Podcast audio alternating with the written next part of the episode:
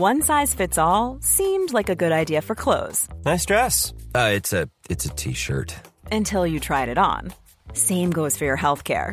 That's why United Healthcare offers a variety of flexible, budget friendly coverage for medical, vision, dental, and more. So, whether you're between jobs, coming off a parent's plan, or even missed open enrollment, you can find the plan that fits you best. Find out more about United Healthcare coverage at uh1.com. That's uh1.com. Many of us have those stubborn pounds that seem impossible to lose, no matter how good we eat or how hard we work out. My solution is PlushCare. PlushCare is a leading telehealth provider with doctors who are there for you day and night to partner with you in your weight loss journey. They can prescribe FDA-approved weight loss medications like Wagovi and Zepbound for those who qualify. Plus, they accept most insurance plans. To get started, visit plushcare.com slash weight loss. That's plushcare.com slash weight loss. I'm Sandra, and I'm just the professional your small business was looking for. But you didn't hire me because you didn't use LinkedIn jobs. LinkedIn has professionals you can't find anywhere else, including those who aren't actively looking for a new job, but might be open to the perfect role, like me. In a given month, over 70% of LinkedIn users don't visit other leading job sites. So if you're not looking on LinkedIn, you'll miss out on great candidates like Sandra. Start hiring professionals like a professional. Post your free job on linkedin.com slash achieve today. Du presenteras nu för obekräftad information. I avsnittet får du höra om konspirationsteorier och varför vissa människor tror på dessa. Var därför kritisk till materialet som bygger på fiktion, åsikter och vinklad fakta. Podcasten kan inte ses som en trovärdig källa. Med spänning och förväntan trycker vi på inspelningsknappen. För det här är inte bara ett avsnitt. Det är en resa in i det dolda. Med oss sitter en anonym gäst, en före detta underrättelseofficer som delar med sig av personliga tankar och upplevelser från underrättelsetjänstens mörka korridor. Du lyssnar på Ett hemligt spel, Sveriges okända skuggor. Det här är konspirationsteorier.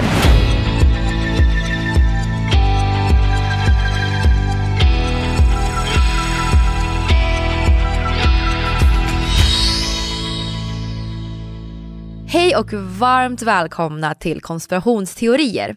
Vi heter Vivi och Aida och idag ska vi återigen dyka ner i det dolda samhället och prata om vad som sker under ytan i skuggorna utan att vi vet om det.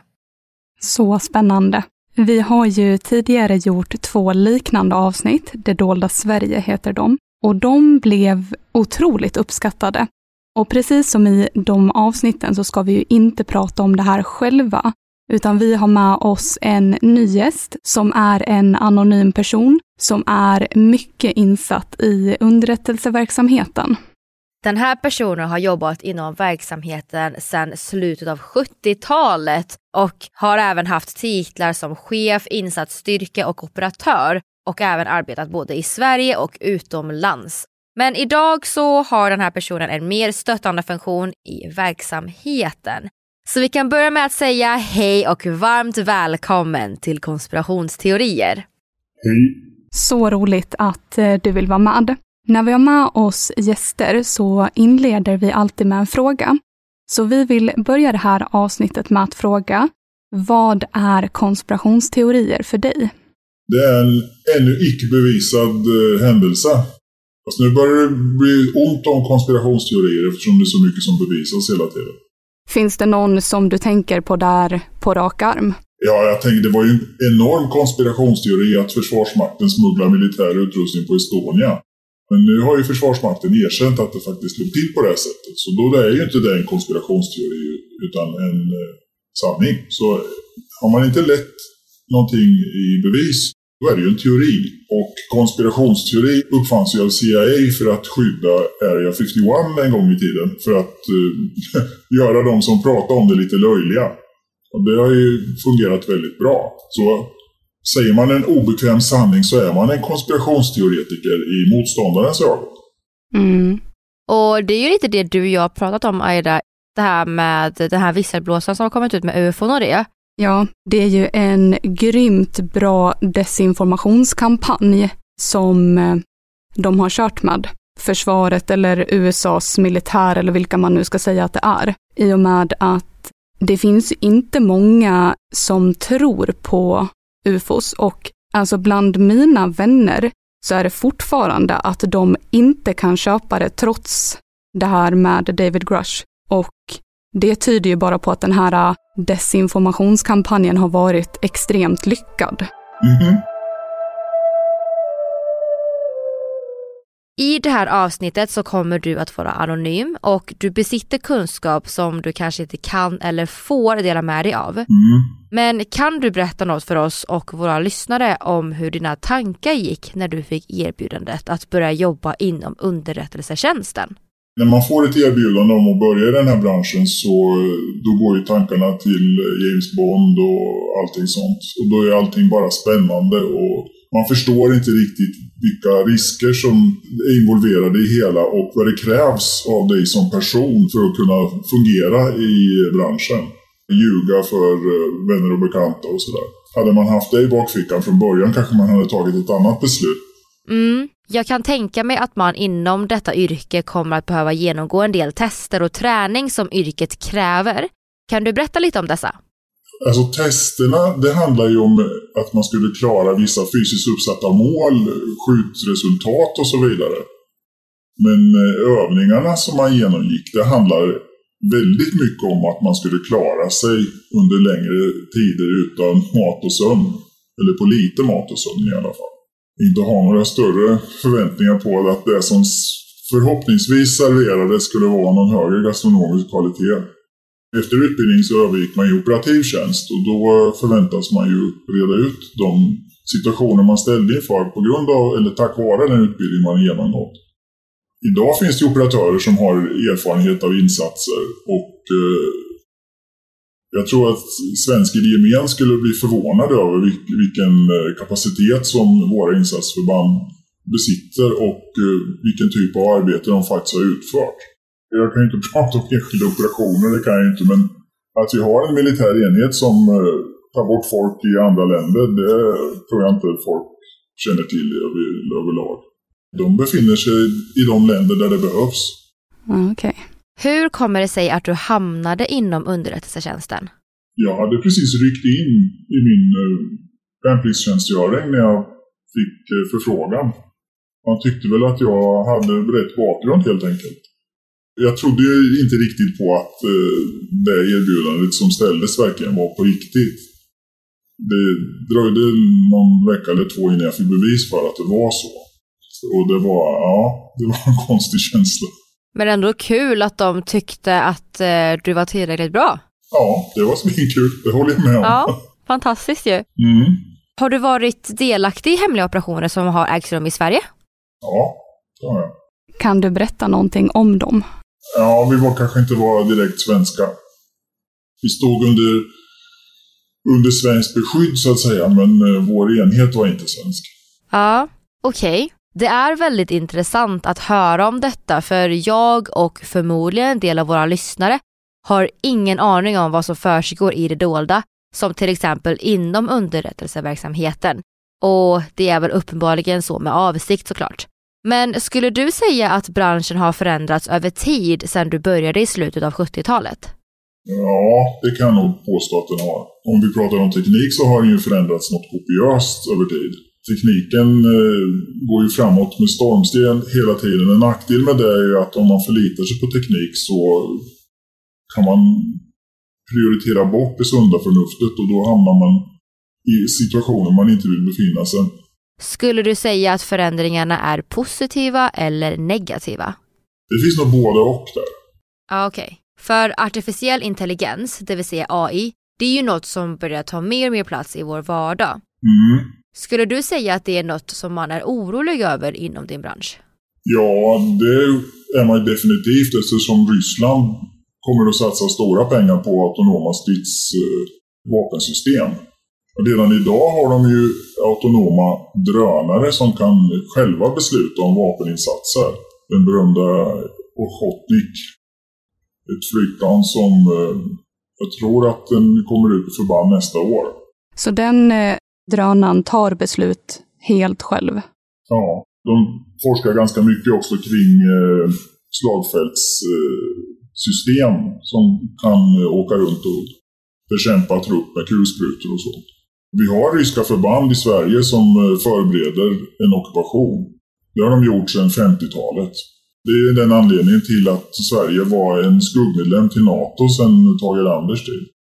Sverige utgör halva fronten mot väst, rent geografiskt.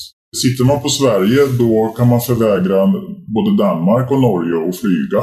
Man kan understödja Murmanskflottan, Ishavsflottan och komma ut i Atlanten. Och det har ju varit ett eh, väldigt viktigt alternativ för Ryssland sedan många år tillbaka. Så Ryssland har inte, det är ett jättestort land men det har inte så många hamnar. Så att eh, passagen ut förbi Norge är vital. Så Östersjön är ganska viktig då? Ja, det är det. Men vad är det de gör här då? Om du får gissa.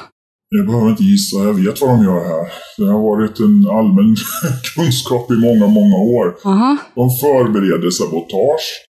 De förbereder mord på befattningshavare. De förbereder eh, vapenförråd, eh, sjukvård, mat, allting sånt.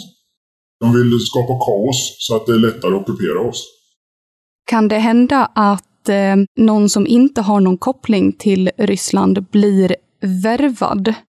Ja, så finns det ju de också som har levt under en falsk identitet här i väntan på att eh, få en order om att sätta igång någonting. Och det kan ju vara din granne, det har du ingen aning om. Nej, nej men det är klart, det fattar man ju ändå att det ska ju inte vi ha någon aning om. Nej, då har de misslyckats. Men hur skulle du säga att de tar sig hit då? Det finns hela spektrumet där. Man kan komma in med falska handlingar och ha helt andra syften med sina resor. Vi är lite naiva i det här landet. Vi hade ju tur som eh, lyckades stryka Hitler medhårs under andra världskriget så vi slapp att bli ockuperade. Men eh, våra andra länder, grannländer fick ju lära sig en bitter läxa. Och det är därför de är med i NATO officiellt. Men vad är det man skulle vilja göra då under en sån här ockupation? Man vill få ut vapensystem så nära Norge som möjligt. Så nära Danmark som möjligt. Så att man kan störa militär verksamhet i Atlanten och eh, i lufthavet. Okej, men om vi ska prata lite om Rysslands invasion av Ukraina så tänkte jag kolla, vad är dina personliga tankar om det? Vi måste stötta Ukraina eftersom det är ett sätt att stoppa Ryssland. Men jag tror att eh, ju mer människor som kan få upp ögonen för vilket hot vi sitter på, desto svårare får ju Ryssland att agera på svensk mark. Och vad tänker du om en potentiell risk för en invasion av de baltiska länderna då? För jag har läst några artiklar, bland annat från SVT och Expressen, som tar upp Rysslands strategiska planer framöver. Alltså Ryssland är en makt som eh, strävar efter att återupprätta de gamla tsargränserna. Och det har ju Putin till exempel inte stuckit under stol med sedan han tillträdde som president. Det var ju hans löfte. Och det kommer han göra. När de är klara med Ukraina så kommer de ta Baltikum och eh, Polen. Men de kommer inte kunna ta Baltikum utan Sverige. Och vad tänker du om kriget som pågår just nu mellan Ryssland och Ukraina? Jag tror att det vi ser är en sån här berömd maskeradka. Jag tror att de slaktar folk som de inte vill ha i Ryssland. Ifrån eh, de här små republikerna i gränstrakterna mot, eh, mot Asien. Det är de soldaterna som skickas till Ukraina med undermålig utrustning. Vi ser inte de vapensystem som ryssarna liksom är kända och övat med under många år. Jag tror att Ukraina anfallskriget mot Ukraina handlar om att eh, dränera väst på vapen. Och vad skulle du säga att vi som vanliga medborgare kan göra? Man ska definitivt titta på vad MSB säger om personlig beredskap. De pratar om sina sju dygn, men jag tycker att man ska titta på att klara sig själv i en månad. I en elfri miljö och det är någonting man behöver träna på också som familj eller enskild. Att eh, nu funkar inte strömmen, nu kan vi inte göra och sen fundera på hur man eh, lever sitt liv i det. Och sen tycker jag att utöver det så behöver också alla rapportera mer till myndigheterna om saker som de ser som verkar misstänkta. Inte vara så godtrogna. Men den är ju svår då om det är ens granne som pratar helt vanlig svenska och man träffar på den och hejar på den så som vanligt. Mm. Det är jättesvårt. För det, det pratade vi om lite i vårt andra avsnitt, Det dolda Sverige, att det kan ju vara svårt att förstå vad det är när man är ute i skogen och plockar svamp. Liksom, vad är det som är konstigt och vad är det som är normalt beteende? Mm, helt klart. Det går ju tyvärr inte att se att aha, det här är bara killar i 25 till 40-årsåldern snaggade som är ute och går och plockar svamp. Det verkar misstänkt. Det finns lika mycket tjejer som killar i den här branschen. Men om man ser bilar som står parkerade i närheten av skyddsobjekt och Alltså man avviker lite grann från beteendet. Det är inte så att det växer mycket svamp just vid de objekten. Då skadar det inte att eh, höra av sig till myndigheterna. Säkerhetspolisen har en eh, tipsfunktion på sin webbplats. Militärdistrikterna har också tipstelefoner. Så det är ett bra sätt att försvåra. Du kanske sitter på en pusselbit och tack vare att det var fem andra som tipsade om samma sak så ser de ett mönster. Ingen information är för liten. Det är ju ändå bra, för jag hade faktiskt ingen koll på det heller. Det enda jag har sett sedan förra året är det här med att man inte ska fota och lägga upp om man ser något militärfordon eller det flyger förbi någonting, för det kan vara vårt. Exakt, det är jättebra inställning.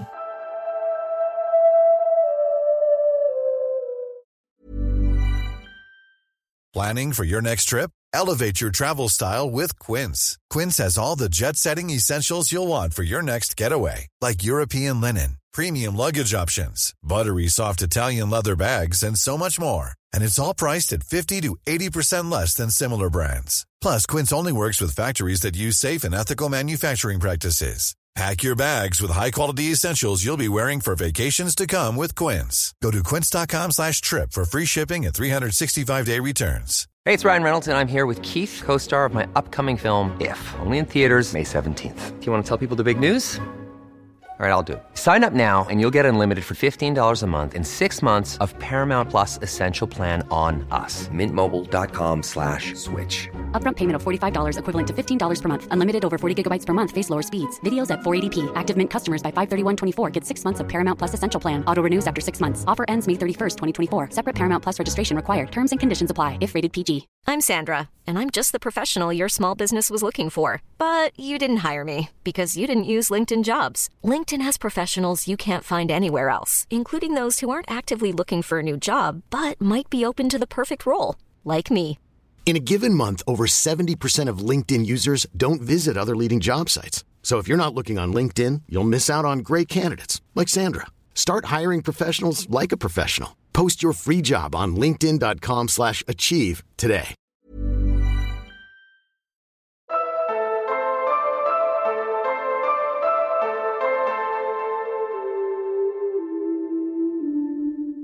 Nu när vi är inne på Ryssland så skulle jag vilja diskutera visselblåsaren Edward Snowden. Och till våra lyssnare så kan jag kort säga att han är en före detta amerikansk underrättelseanalytiker som år 2013 läckte konfidentiell information till media som avslöjade att NSA samlade in massiva mängder kommunikationsdata från både amerikanska medborgare och människor runt om i världen. Och efter detta så fick han asyl i Ryssland, något som har fått många att höja på ögonbrynen. I våra avsnitt Det dolda Sverige så kom vi in på den här diskussionen. Han har ju både setts som en hjälte som avslöjade detta övertramp mot privatlivet, men han har även setts som en förrädare. Så vad är dina tankar om Snowden? Jag vet inte vem det är som beskriver honom som en hjälte överhuvudtaget. Det är ingen konspirationsteori att säga att Edward Snowden var en rysk påverkansagent. Eftersom han eh, blev eh, rysk medborgare sen och bor i Moskva idag. Men man har ju hört argument att det kan vara för att Ryssland är säkert för han. Att om han är i Ryssland så kommer USA inte åt honom. Då hade de väl begärt någon fånguppväxling kanske. Ja, det finns ingen, eh, ingen arresteringsorder på Snowden så vitt jag vet. Men nej, Han, han får lön av FSB idag. Och är det någonting som har bekräftats? Nej, det har det inte. Men eh, han uppträder i sådana miljöer där FSB finns så att eh, sannolikheten till att han skulle vara där av en slump, den är obefintlig. Och FSB, Ryska KGB hette de förut. Ryska säkerhetstjänsten. vad hade hänt om vi säger att han bara fick asyl i Ryssland och sen skulle lämnas tillbaka till USA? Mm. Vad hade hänt med han i USA då? Samma sak som hände med Julian Assange kan jag misstänka. Det var han som bodde på en ambassad i London i massor med år efter att Sverige hade begärt honom utlämnad. Han eh, dumpar ju också väldigt mycket information om amerikansk underrättelsetjänst i Irak. Och nu begär USA honom utlämnad från England, så han sitter i fängelse i England nu och väntar på utlämning. Han, kommer väl få en 30-40 år i finkan kanske. Okej. Och så hade det väl förmodligen sett ut för Edward Snowden då? Ja, han eh, röjde hemliga uppgifter och det är inte lagligt i USA. Det är inte i Sverige heller. Nej, inte något som kan skada rikets säkerhet. Nej. Men okej, så att det finns ingen risk då att han hade blivit eh, mördad? Nej, det tror jag inte. Hade det varit tvärtom så hade han blivit mördad av Ryssland. Så kan man säga. De har som sagt en mycket tunnare regelbok än vad väst har. Om vi ska spinna vidare på den här teorin, vad tror du i så fall var Edward Snowdens mål med detta om han då var en rysk spion? Det vill misstänkliggöra amerikanska regeringen och NSA i synnerhet. The National Security Agency de eh, pysslar med signalspaning precis som FRA gör här i Sverige. Försvarets radioanstalt. De heter nog något annat idag tror jag. Hade det inte egentligen varit bättre om han fortsatte vara en insider? Jo, det är det ju absolut. Men det kan ju också ha varit så att man upptäckte att man var någon på spåren. Och därför var det, okej antingen så berättar jag allt nu eller så blir jag tagen och inget kommer ut. Precis. Men då tror du att han blev värvad eller så redan innan detta? Ja, det tror jag. Det är jag ganska övertygad om. Ja, för att få asyl i just Ryssland, det är ju lite anmärkningsvärt, tänker jag. Exakt, det är det. För jag tänker, vi tar ju också in människor som är asylsökande här. Hade vi liksom kunnat tagit in han då? Vi har ju utlämningsavtal till eh, USA. Så att han hade inte blivit långvarig här om de hade begärt ut honom. Men då anser ju vissa att han valde att åka till Ryssland för att han var som säkrast där, om han nu inte är en spion det vill säga. Men om du får gissa, vad tror du att han har arbetat med sedan han kom till Ryssland? Jag tror att han jobbar som någon form av eh, support eller eh, resurs till FSB. Eh, ryska säkerhetstjänsten. Okej.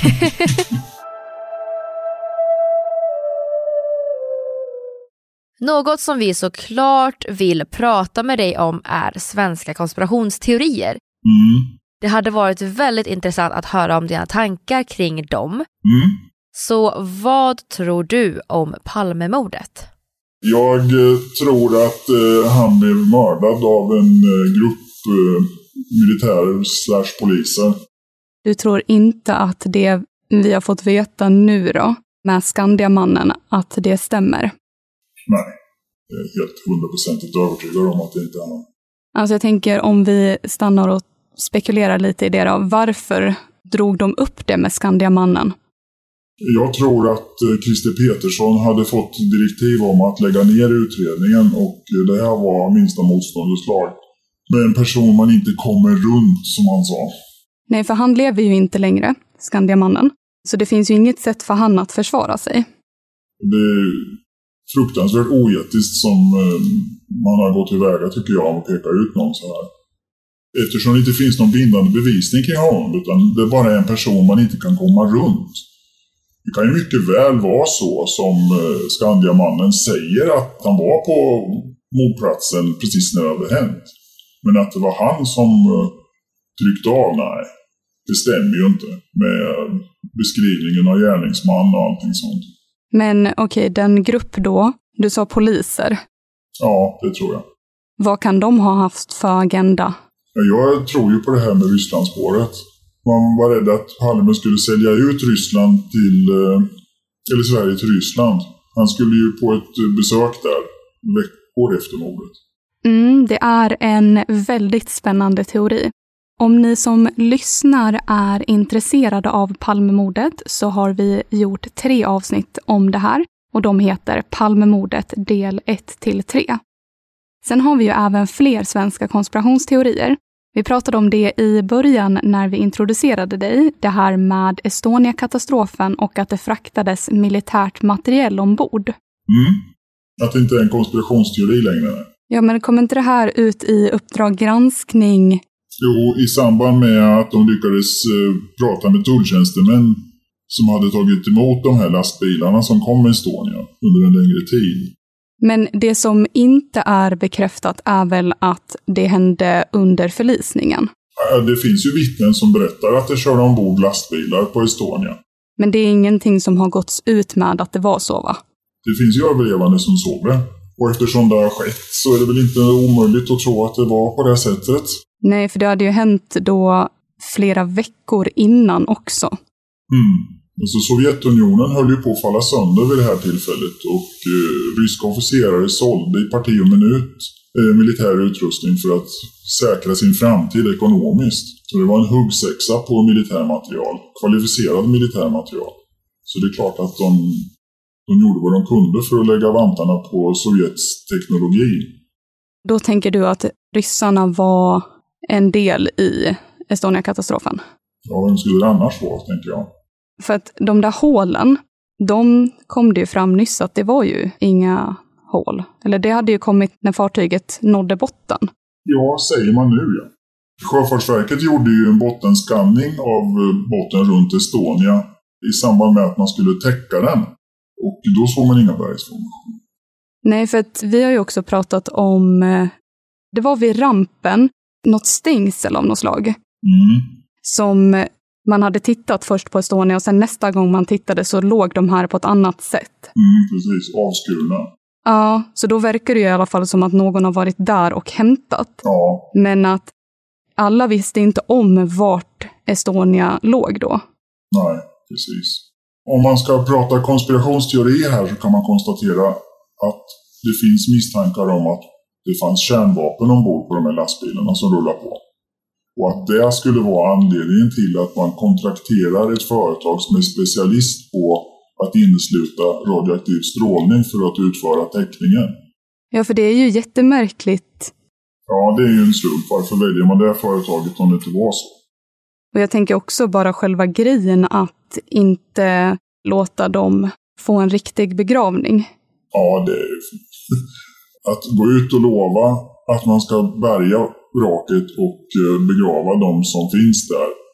Och sen någon vecka senare säga precis tvärt emot och skylla på att räddningspersonalen skulle må illa av att ta upp eh, förlista.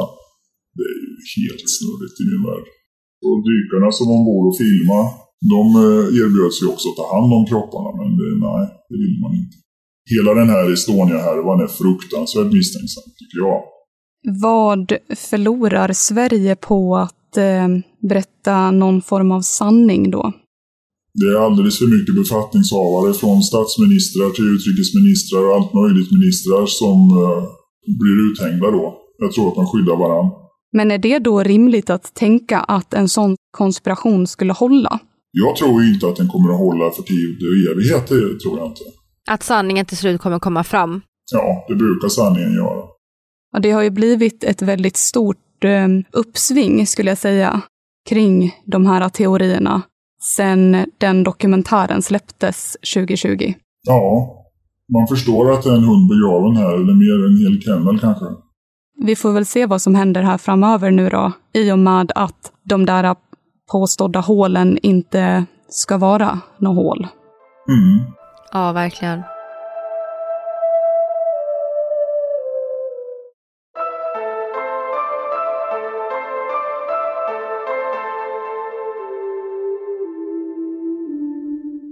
Vi har även en annan svensk konspirationsteori som vi har tagit upp i podden, nämligen om FNs generalsekreterare Dag Hammarskjöld. Mm.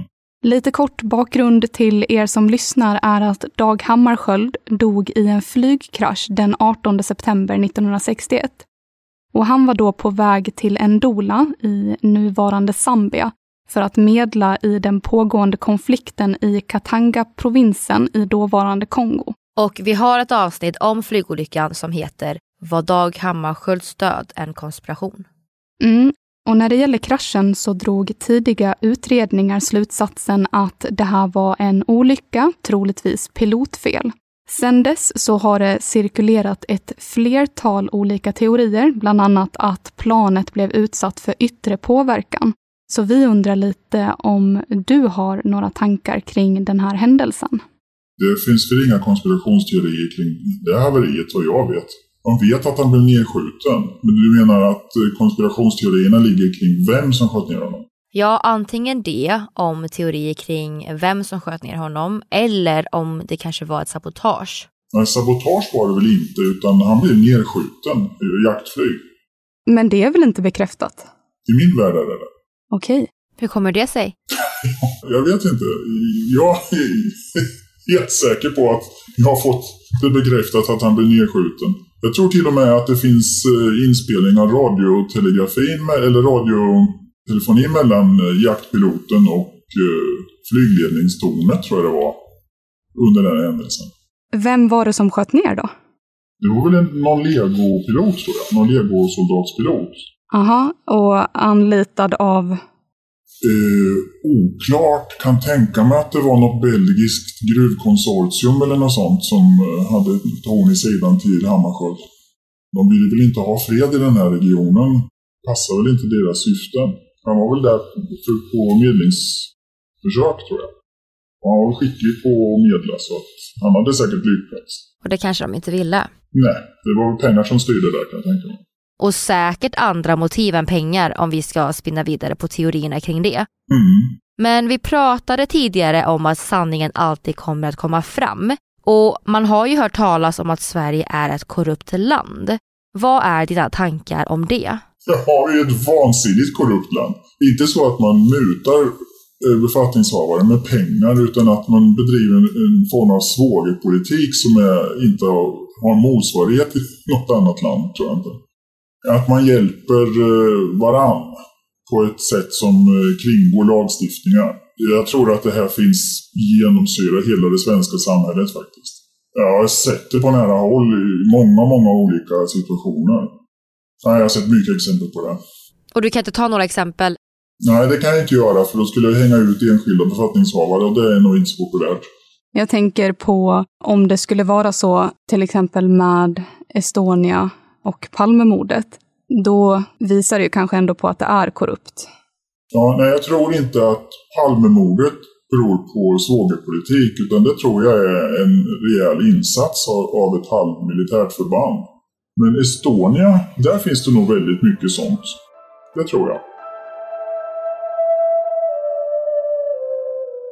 En sak som jag kommer att tänka på nu när vi diskuterar svenska konspirationsteorier och om ett korrupt land är Sveriges myt om neutralitet.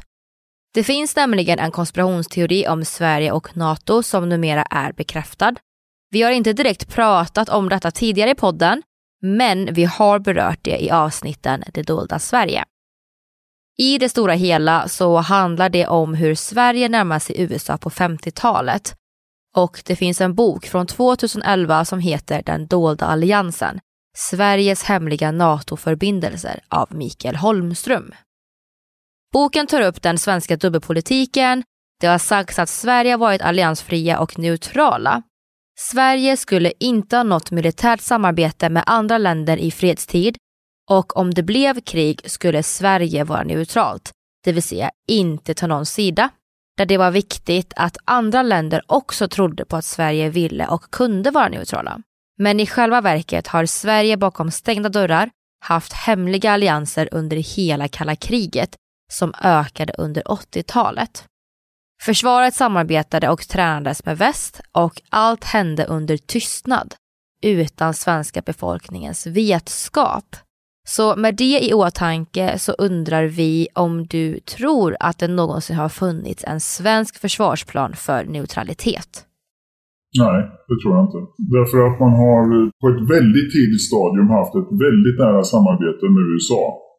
Man har ju byggt eh, flygflottiljer efter NATO-standard. Man har byggt eh, rullbanor som eh, har haft de bärighetskrav som amerikanska flygvapnet har ställt och så vidare. Man har haft befattningshavare som har haft i uppgift att i en krigssituation bege sig till NATO-högkvarteret. och väldigt, väldigt väl utarbetat samarbete. Det här har ju varit känt sedan den här boken kom ut år 2011. Mm. Men fanns det mycket teorier om det innan? Vad tänkte folk då? För jag visste inte om det här innan. Det är väl fler än jag som har jobbat i Försvarsmakten som har träffat på utländska officerare på kvalificerade skyddsobjekt. det har ju varit ifrån eh, USA de har kommit. Vi har varit alliansfria syftande till att vara neutrala i krig. Så vi har inte varit neutrala som Schweiz har varit till exempel. Eller Varför vill man inte vara det? Neutral? Mm. Man inser kanske att man inte kan stå ensam. Men varför ville man hålla uppe den här fasaden om att vi är neutrala? Ja, men det är väl lite typiskt svenskt. Säga en sak och göra något helt annat. Och en annan fråga som jag skulle vilja ställa är faktiskt hur du ser på Sveriges förhållande till NATO. Nu när vi spelar in det här så har ju Sverige inte blivit medlemmar än. Men det som har hänt hittills är ju att vi väntar på Turkiet. Men vad tänker du kring det faktum att vi ja, potentiellt kommer att kanske bli officiella medlemmar? Det är ju nästan så att vi är det. Vad tänker du kring det? Att eh, vi blir officiella medlemmar när Ryssland låter Turkiet godkänna vår ansökan. Det är väldigt suspekt. Så länge vi inte är medlemmar i NATO så kan Ryssland attackera Sverige utan att komma i krig med NATO. Men det är väl inte så egentligen? Ja, det kan nog vara så det är.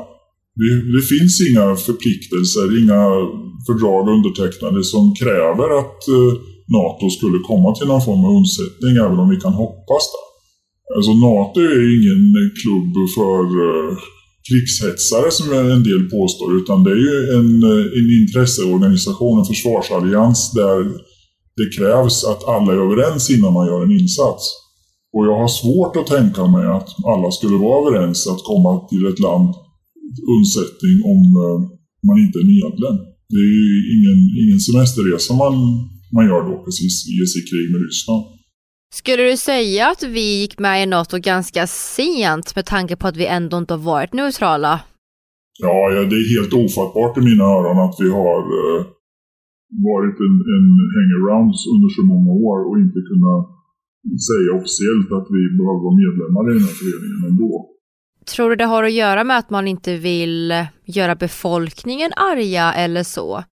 Det har varit väldigt många som har varit emot att vi går med i NATO och även många som varit för att vi går med i NATO. Ja, eh, det är svårt att säga. Det har ju varit en politisk eh, majoritet kring att eh, inte vara medlemmar i NATO under många år. Men jag tror att det handlar ganska mycket om att eh, man inte vill reta Ryssland. Jag tror det är det som är grundorsaken till det hela, men det, det är min personliga teori. Men ur rysk eller sovjetisk synvinkel och ur rysk synvinkel idag så är vi en del av NATO. Vi är, vi är ett kärnvapenmål. Oavsett om vi är medlemmar eller inte har alltid varit på grund av vårt strategiska läge. Vad tänker du kring det här med att den här alliansen eller samarbetet har förts bakom ljuset? Den stora nackdelen är att vi inte haft någon försvarsgaranti. Att resten av medlemsländerna kommer till vår undsättning om vi skulle behöva. Och jag tänker, tilliten hos befolkningen att få veta något sånt här, det känns som en nackdel. Att det har funnits en dold samverkan? Ja. Ja, men det, det är väl det som späder på politikerföraktet. Och jag tänker också på det här med konspirationsteorier som grundas i misstro. Och att få veta någonting sånt här, det ökar ju bara på konspirationsteorierna och det ökar på misstron. Ja, misstron, exakt. Politikerförakt och misstro, det är inget bra. Nej, verkligen inte. Skulle du säga att misstron har ökat nu på de senaste åren? Jag upplever det, ja. Jag tycker att folk överlag har svårare att känna något förtroende för eh, politiker, polisen, försvaret överlag. Sjukvården också. Det är svårt att känna någon tillit där. Det fungerar inte organisatoriskt och operativt. Vad skulle du säga är den största anledningen till det? Att vi har en fruktansvärd oförmåga att eh, rekrytera bra chefer i det här landet. Lite bekanta som jobbar inom eh, amerikanska så, eh, rekryteringsföretag. Och de säger att det svåraste som finns är att rekrytera en bra chef från Sverige. Och det beror på att vi har en tradition att tillsätta konsensuschefer. Vi måste vara, ha samförstånd med varandra. Det är, det är väldigt ovanligt med, med chefer som kan säga att nej, nu lugnar vi ner oss lite, nu gör vi så här för att komma framåt. Utan man drar saker i långbänk och alla ska vara till lags och att alla ska vara överens för att uh, man ska genomföra någonting. Det fungerar inte alltid. Vi behöver kanske lite fler uh, människor som kan uh, peka ut och föra verksamhet i rätt riktning. Det är väldigt intressant det här med Sverige och NATO. Jag trodde ju hela tiden att Sverige var neutrala och det är nog många som har trott det också. Det är fascinerande för vi har aldrig varit neutrala. Vi har varit alliansfria tills vi gick med i EU. Och där satte ju Lissabonfördraget en definitivt punkt för vår alliansfrihet. Plus då den här dolda samverkan med NATO. Men alltså jag tänker på här, den här dubbelpolitiken. Mm. Fortsätter den hela tiden eller är det bara sådana här få enstaka fall? Nej, jag tror att det är genomgripande.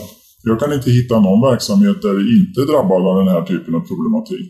Har det märkts av mycket i ditt jobb också? På senare år, ja.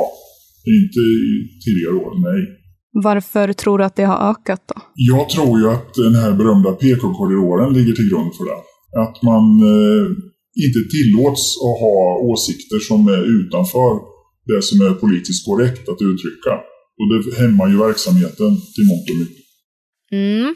Oerhört intressant att diskutera det här och även höra dina tankar kring konspirationsteorier och få lite inblick i eh, underrättelsetjänsten också och hur du ser på allting som har varit i det dolda, om man kan säga så.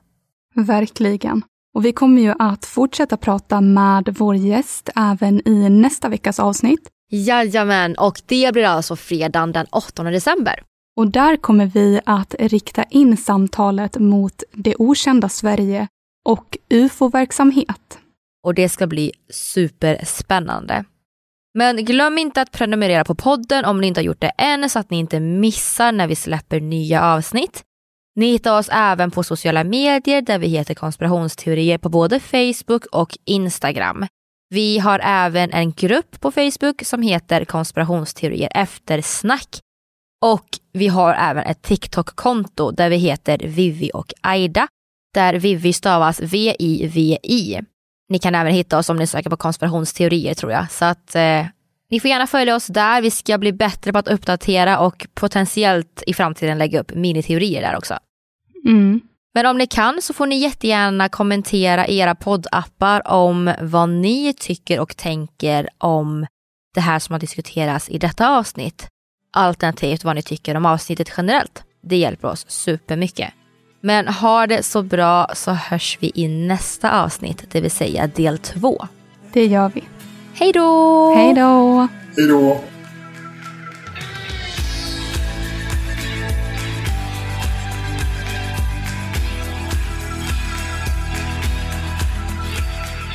Du har lyssnat på Konspirationsteorier, en produktion av We Tell Stories. Programmet gjordes vintern 2023. Vi som har gjort programmet heter Vivian Lee och Aida Engvall. Källorna till dagens avsnitt hittar du via våra sociala medier, konspirationsteorier på Facebook och Instagram. Där kan du även lämna tips och önskemål på teorier som du vill höra i podden.